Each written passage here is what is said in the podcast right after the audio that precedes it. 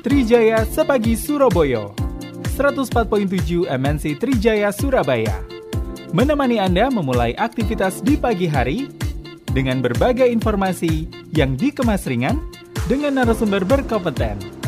Dan juga canda tawa kami hadirkan untuk Anda. Anda bisa berbagi informasi di 031 9924 1047. WhatsApp 0811 335 1047. Facebook Sindo Trijaya Surabaya. Instagram at MNC Trijaya SBY. Twitter MNC Trijaya SBY. Baiklah, kita lanjutkan lagi Trijaya sepagi Surabaya. Iya, Cak Ilman. Ngobrol apa ya, Cak? Awak dhewe arep ngobrol kaitannya dengan keberadaan PBNU. Nah, ini menarik PBNU. kalau kita bicara tentang kan wis mari dipilih Nah, ketua kemarin kan ketua Gus umumnya Gus Yahya sudah terpilih alhamdulillah. Nah, terus? Yang menarik adalah susunan kabinetnya. Oh, susunan Wah, kabinet, Susunan kabinetnya Oh. itu eh, memang ter, eh, apa ya lebih besar jika dibandingkan di era kepe- kepemimpinan Kiai Haji Said Agil Sirot. Oh, iya, iya, Namun demikian di kepemimpinan Gus Yahya ini ini anu eh, kalau makanan tuh gaduh-gaduh. Ono tokoh muda, ono politisi, ono kepala daerah dan Wah, macam-macam. komplit lah ya, Cak, ya? Nah, dan yang menarik di PBNU sekarang tuh ada juga eh, kelompok wanita Oh, iya iya. iya. yang ikut duduk di jajaran kepengurusan pusat. Kalau dulu wanita tidak pernah duduk di kepengurusan PBNU, tapi sekarang ada. Oh. nah, kita iya, coba iya, iya. mencari tahu opo kok seperti ini. Oh, Nah, pokok ono ngono ya. nah, kita sudah tersambung dengan eh, ahli. ahli atau seorang pakar politik ya dari Universitas Trunojoyo Madura. Iya iya iya. iya. Beliau juga seorang peneliti dari Surabaya eh, Survey Center SSC, Cak Surohim Abdul Ah, Salam. Oh, yes. Assalamualaikum, selamat pagi Cak Surohim. Selamat pagi. Waalaikumsalam warahmatullahi wabarakatuh. Apa kabar Cak? Sehat selalu ya Cak ya? Heeh. Ya alhamdulillah. Oh, iya. Sehat-sehat. Kayak suasananya adem sehat. Amin. Ya. Iki berarti ono polarisasi maning lek ngene, Cak, ya. Kalau kemarin ada polarisasi partai politik, sekarang polarisasi organisasi keagamaan. Nah ini selalu menarik ya Cak kalau menyimak keberadaan eh, NU karena dalam setiap geraknya itu eh, ibaratnya iklan tuh semua mata tertuju padanya. Oh, iya. nah kalau Cak Surahim mencermati kemarin pengumuman kabinet eh, PBNU ini seperti apa sebenarnya Cak Surahim? Monggo silakan Cak Surahim. Jadi organisasi Jamiah NU itu karena terbesar di Republik ini, jadi dari sisi apa pun selalu seksi, Mm-mm. selalu menarik magnet-magnet kekuasaan untuk berebut di dalamnya. Dan yang selama ini terjadi begitu, Ya. partai politik pengen menguasai negara pengen menguasai dalam lintasan sejarahnya begitu jadi selalu memang diperebutkan oleh banyak pihak gitu. karena memang isinya jamiah paling banyak Ya, terbesar dan memang menentukan dalam Ya. banyak hal termasuk di dalamnya menentukan di sektor politik Ya, gitu. ya. Ya. Ini ada perkembangan menarik tentang tarik ulur itu dan Ji. uh, generasi muda NU yang sekarang mudah mendapatkan kesempatan memimpin sepertinya sedang berusaha untuk mengevaluasi itu semua. Ya. Ingin menjaga jarak dengan partai politik, ingin menjaga jarak dengan kekuasaan. Saya kira itu sejalan dengan kita NU yang selama ini memang apa eh, menginginkan NU berada di mana-mana dan Nggih, yang apa menjadi maslahah ya bagi semuanya. Walau kenyataannya memang secara praktikal itu sulit karena memang tarik ulur itu memang kadang-kadang butuh seni.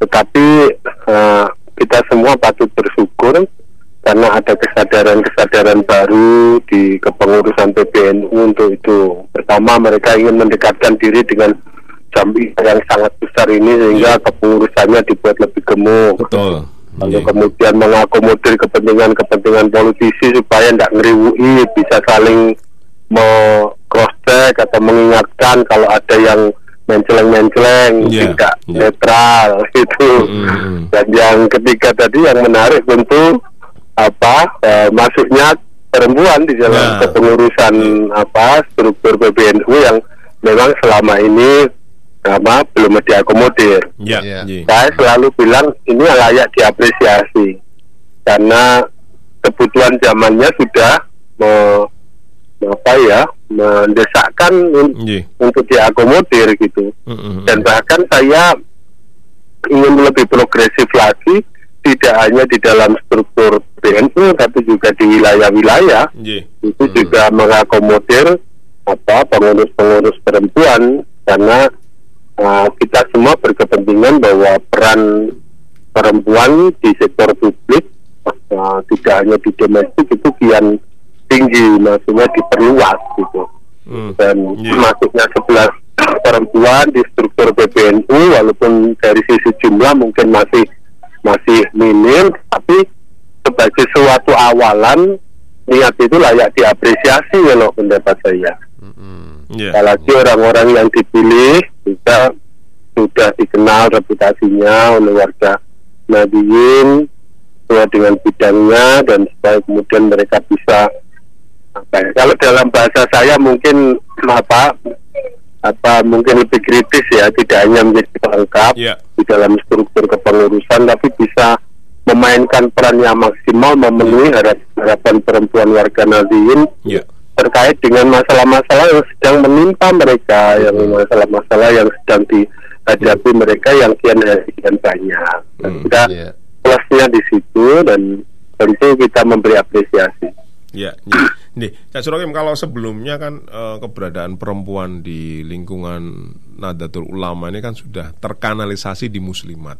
Nah, Iya. sekarang dengan masuk menjadi satu di PBNU ini apakah kemudian secara tidak langsung ini eh, Muslimat ada di bawah PBNU ah, menjadi underpo atau menjadi banom ataukah memang ada kebijakan-kebijakan yang nanti bisa lebih luas eh, akses PBNU untuk masuk ke ranahnya Muslimat ini, Cak Surohim? Sebenarnya tidak begitu, justru menaikkan kelas ya Hmm. dari Banom, kemudian diakomodir di struktur yang lebih tinggi. Mm-mm.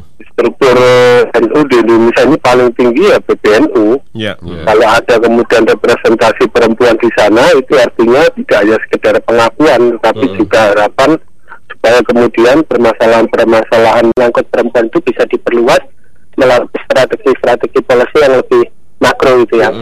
Dan itu penting bagi kita semua karena memang eh, dalam jamiah ini sendiri eh, jamiah perempuan juga dominan gitu. Dan selama ini upaya untuk memberi apa pemberdayaan dan lain-lain kan eh, ya butuh ya ditingkatkan kelasnya gitu. Supaya dengan policy-nya lebih lebih fokus, Iya. lebih komprehensif dan pikir tidak tidak justru mengkooptasi ya, Mm-mm. tapi justru meningkatkan kelasnya. Mm-mm. Nah akan ada representasi dan juga apa eh,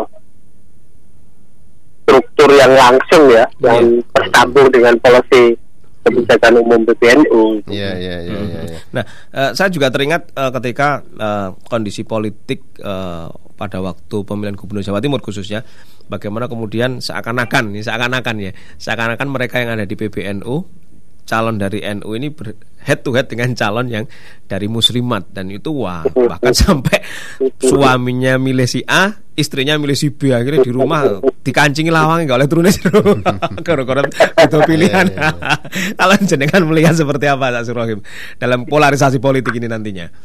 Ya untuk kontestasi begitu kadang tak terhindarkan karena Iya. sekarang ini orang kian independen memilih, Iya. kian cerdas memilih, jadi kadang-kadang uh, samik nawa atau nanya itu kemudian sekarang ada ada dalam tanda kutip samik nawa atau na dengan daya kritis kan Iya. gitu. Iya. Nah sehingga kemudian kalau terjadi polarisasi karena di keluarga antara mereka yang mendukung calon dari struktur NU yang lain, Banom itu dengan PBNU ya wajar. Ya. Karena memang pilihan politik itu kan sejatinya memang di NU dibebaskan. Iya, iya. Karena kalau kita lihat sikap NU itu ya memang NU tidak memihak ke mana-mana bahwa kemudian ada apa sifatnya dukungan-dukungan dari personal kiai pesantren Hmm. begitu itu memang apa di NU memang ya sudah biarkan alamiah saja gitu iya. bahwa kemudian ada dukungan-dukungan secara personal ya seperti itu semestinya Ya. bukan dalam bentuk dukungan lalu PBNU mengarahkan ke sini gitu kan malah silakan nanti kalau tidak bisa adil. Jadi lebih baik begitu, lebih baik warganya dibebaskan, Ya. diberi polisi umum. Mm-mm. Oh juga faktanya warga Nahdien itu sudah berpengalaman dari pemilu ke pemilu. Tidak Hmm. perlu dijelaskan pun sebenarnya mereka itu sudah punya ya apa pengalaman untuk berpemilu itu. Jadi sebenarnya eh, justru dengan memberikan kebebasan kepada warga NU untuk memilih partai politik atau mungkin afiliasi politik yang lain itu justru akan meningkatkan kelasnya PBNU menurut saya ya. Iya, Karena iya. karena kemarin tuh kita kan sempat nggak enak juga dibilang PBNU dari PPKP gitu anu apa eh, kan juga ah, masa sih ya enggak Iya. maksudnya bahwa ada personal-personal apa ah, politisi yang kemudian Hmm. Diakomodir di struktur ya jangan berasa begitu nah makanya kita kan happy hari ini ya Ya. Em, happy hari ini kalau kemudian uh, PBNU menyadari nggak apa-apa dimasukkan itu politisi-politisi Mm-mm. supaya nanti bisa saling mengkontrol di dalamnya kalau ada yang menceleng-menceleng ada yang mengingatkan Nah, itu kan juga iya. strategi yang bagus ya menurut saya Ya. Nah, nah, ini juga menarik juga kalau kemudian di PBNU juga ada sosok Bukoviva, ada sosok Alisa. eh, Gus Ipul, Ipul. nah, yang selama ini dapat dikatakan ini mer- ah, merupakan ini ya rival yang abadi dengan berada dalam satu gerbong ini kan akhirnya sepertinya ini ya Cak. Eh, PBNU benar-benar ingin menyatukan dalam satu kekuatan yang utuh seperti itu mungkin Cak. Eh, Cak ya sebenarnya mereka itu kan apa uh, tidak rival ya kalau di dalam Zambia itu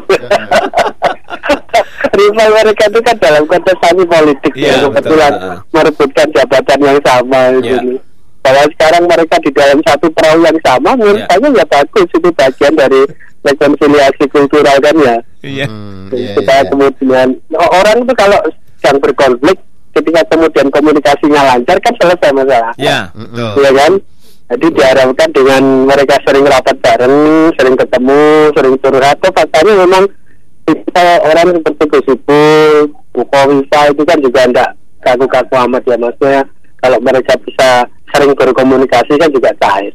Iya. Iya, iya, iya. Jadi apalagi sekarang menurut saya Gus Ipul naik kelas gitu. Betul. Nah, dan kemudian Bukowifa merasa dihormati di dalam struktur PBNU. Sama-sama dinaikkan kelasnya, jadi Mm-mm. menurut saya ya berkala ya bagi keduanya Ah. karena apa saatnya mereka kemudian berkolaborasi itu penting karena karena era begini ini kita selalu diingat oleh para ahli Mm-mm. supaya lebih banyak berkolaborasi daripada uh, berkonflik kan begitu. Iya, iya, iya, iya, iya, iya. iya. Jadi di struktur PBNU ini tokoh-tokoh perempuan terus kemudian politisi ini juga sebenarnya juga kumpul jadi satu ya Cak Surohim ya baik yang ma- Iya. masih aktif atau yang sekarang mungkin kalau perempuan ada yang masih nyandang jadi bunyai gitu ya Iya ya rata-rata memang yang diakomodirkan keluarga dalam dan punyai ya. Saya kira itu juga ada kaitan secara kultural, tapi kan reputasi juga mumpuni. Saya kira pertimbangannya memang kompleks dan menurut saya sudah pantas sudah tepat. Mm-mm. Iya iya iya. Dalam aktivitasnya meskipun ya itu hanya menemani Pak Yai tapi Ibu Nyai ini kan sebenarnya juga punya peran penting ya untuk dimasukkan dalam struktur gitu ya Cak Surohim. Kan eh, apa dinaikkan ya kelasnya ya. Tentu ini kabar baik bagi ibu-ibu karena peran domestik itu sekarang ini ya itu apa tidak ditingkatkan ya peran kepublikannya itu supaya kemudian perempuan-perempuan lebih banyak di sektor publik. Saya kira itu kenapa mengilami apa parlemen itu eh, ada perintah konstitusi yang 30% perempuan itu berkuota kalau kemudian tidak perlu kuota dan kesadaran itu sudah terbentuk, akhirnya kemudian peran-peran perempuan di sektor publik eh, sekian banyak, saya kira juga akan memberi penguatan ya kepada perempuan ya koalisi-koalisi perempuan untuk di- bisa memikirkan sebenarnya peran perempuan yang ideal, problem-problem yang dihadapi oleh perempuan di Indonesia ini kan ya kompleks banyak kan Iya. gitu Mm-mm. dengan banyak mereka yang memperjuangkan aspirasi itu saya kira ya upaya untuk menempatkan perempuan-perempuan Indonesia dalam kedudukannya yang ideal dalam kedudukannya yang apa ya istilahnya eh, bermartabat itu akan kian banyak disounding itu ya, akan kian banyak diperjuangkan oleh berbagai kalangan. Saya kira apresiasi kita terhadap apa eh, representasi perempuan di PBNU salah satunya itu. Ini organisasi yang sungguh sangat besar di negeri ini. Lalu kemudian berpikir progresif untuk memasukkan perempuan yang selama ini belum pernah ada. Iya, iya, iya. Itu kan Betul. juga terobosan ya menurut saya yang luar biasa sekaligus sebagai pengakuan akan keberadaan peran eh, meningkatkan eskalasi peran perempuan di sektor publik. Mm-mm. Saya kira implikasinya akan banyak. keterwakilan perempuan gitu ya. Oke, makanya juga saya berharap tidak hanya soal representasi gitu ya, tapi juga maksud saya eh, punya-punya yang ditempatkan di struktur itu mampu memainkan peran yang ciamik gitu ya di panggung di panggung besar PBNI itu supaya kemudian isu-isu tentang perjuangan perempuan, meningkatkan harkat martabat perempuan, kesejahteraan dan lain-lain yang selama ini menjadi isu domestik dan diperjuangkan pihak lain itu bisa langsung gitu Ya. ya, bisa langsung diatasi, bisa Ya, langsung ya. dicarikan solusi. Ya. Saya kira ini juga bagian dari Iya. apa ya era baru betapa tidak hanya semua ya negara tapi juga ormas bisa menempatkan keberadaan perempuan lebih terutama. Mm-mm. Ya. Tapi kira-kira ada potensi jadi tiket nggak ya? Kalau sekali lagi kalau urusan ya?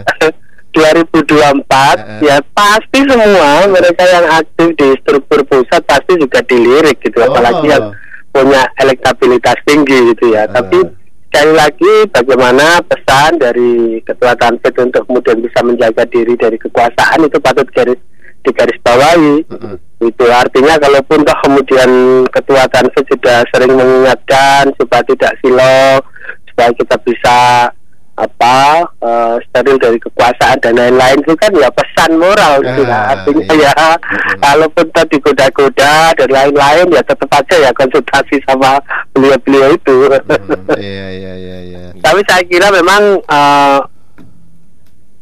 struktur PBNU pasti selalu menjadi magnet Ya, Ah. betul. Ya, iya, ka- kadang-kadang orang yang tidak niat gitu karena disorong-sorongkan oleh pihak lain kadang-kadang ya kemudian Hmm. tetapi ya tradisi itu kan harus elegan ya Ya. saya kira kalau PBNU memang dianggap eh, tidak boleh di- dipakai sebagai batu loncatan ya dipahamkan kembali niatnya itu nanti kalau pas pelantikan itu dikasih tahu jangan dijadikan batu loncatan untuk 2024 jadi itu ini bu ini makanya katanya ketua tanpit masa hikmat gitu ya bukan masa pengabdian bukan masa loncatan itu.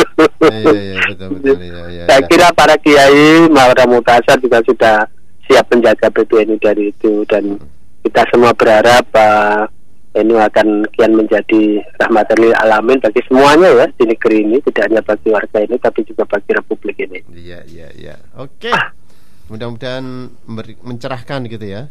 Dan pesan yang terakhir juga penting eh, mestinya ya eh, ini juga bisa direspon di wilayah-wilayah kalau PBNU di tingkat pusat sudah memasukkan representasi perempuan dalam jajaran kepengurusan mestinya di wilayah-wilayah juga PW ya sami nawatona begitu gitu Oh, iya. Jadi Iya, iya, ada apa eh, representasi perempuan ada juga keterwakilan perempuan. Betul, struktur organisasi di tingkat eh, Wilayah. Maupun tingkat cabang gitu Iya, betul Nah, siap Nggih.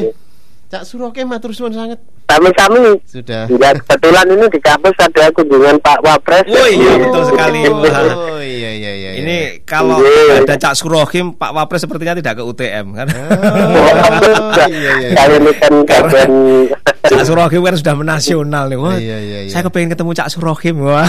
Jangan-jangan ini tiketnya tak Suroke ini.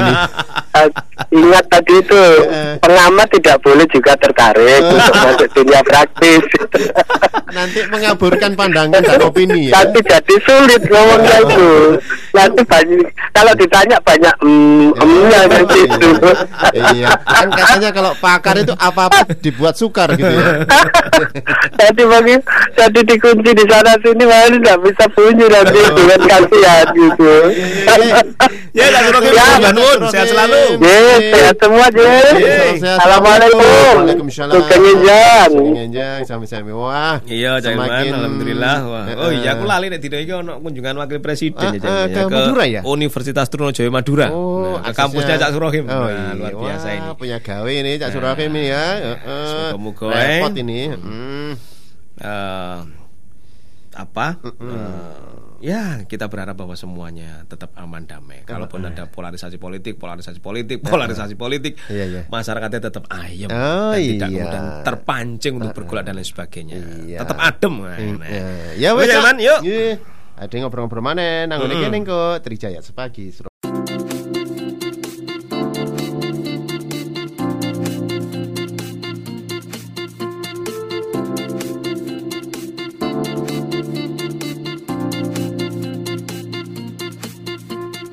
Telah Anda ikuti Trijaya Sepagi Surabaya 104.7 MNC Trijaya Surabaya. Sampai jumpa esok hari.